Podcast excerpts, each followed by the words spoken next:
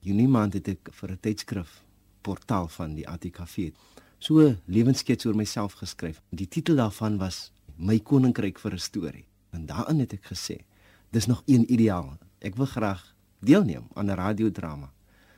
En uiteindelik het ek my lewensideaal verwesenlik.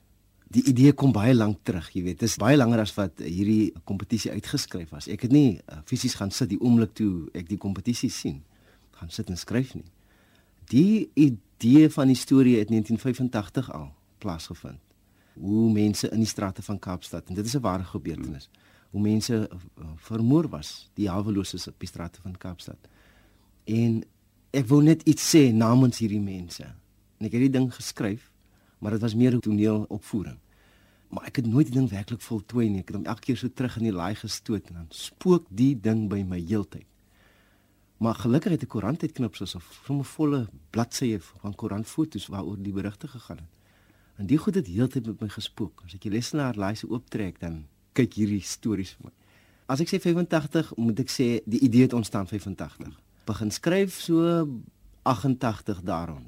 Fisies gaan sit en skryf vir die verhoog. Ek het kort voor die sluitingsdatum van die kompetisie. Nou praat ek maklik van 'n maand voor die tyd het ek met die verhoogdrama gaan sit en hom heeltemal verwerk. En die wenke wat um, Robert Jang vir ons gegee het met die kompetisie in die agterkop het ek nog gaan skryf want ek weet verhoogskryf en radioskryf is twee heeltemal ander wêrelde. Maar dit het my omtrent 'n maand gevat om die ding af te rond en vir julle deur te stuur. En ja, Radio Sonder Grense en Sanamato het dit net moontlik gemaak dat hy storie op die oppervlak gekom het. Die karakters wat ons nou gaan ontmoet vanaand in die storie. Ja. Is hulle ware karakters of is hulle fiktief?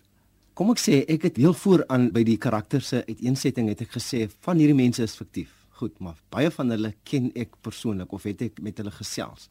Die naam moet ek verander natuurlik. Ek ken van hulle. Adam Small sê ons het duplicates van hulle all over en dit is waar. As jy so in breë trekke moet sê wat was vir jou die belangrikste element om oor te dra aan die luisteraars in hierdie drama. Om te bedel is 'n kuns sê nie dat die drama handel oor om vir mense wenke te gee om te bedel nie. Dit gaan baie dieper as dit. Dit gaan vir my en ek dink hier moet ek nou ook 'n ander ding aansny. Dit gaan vir my oor die feit dat die haweloses en ook die gewoon klein mens in die, ons samelewing het nie 'n stem nie. Nou probeer ek ook nie prekerig wees nie of 'n kampvegter wees nie. Ek probeer net deur hierdie drama aan die wyeer wêreld sê die mense het ook 'n bestaansreg gee vir hulle daai holte vir die voet. En dit is ek dink die tema van die hele radiodrama moet dit wees. Alles hulle vertraptes, uitgestote mense. Alles nog mense in eie reg. Dit is die boodskap wat ek graag wil deurgee.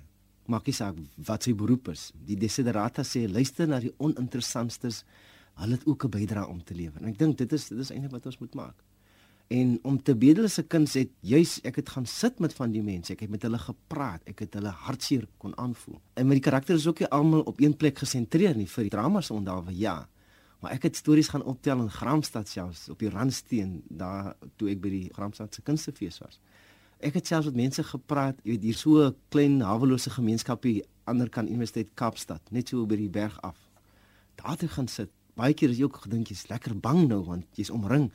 Maar terwille van die storie het ek gedink en ek sê dit ook in die woorde van Bekkies vir 'n ideaal moet 'n mens opoffer.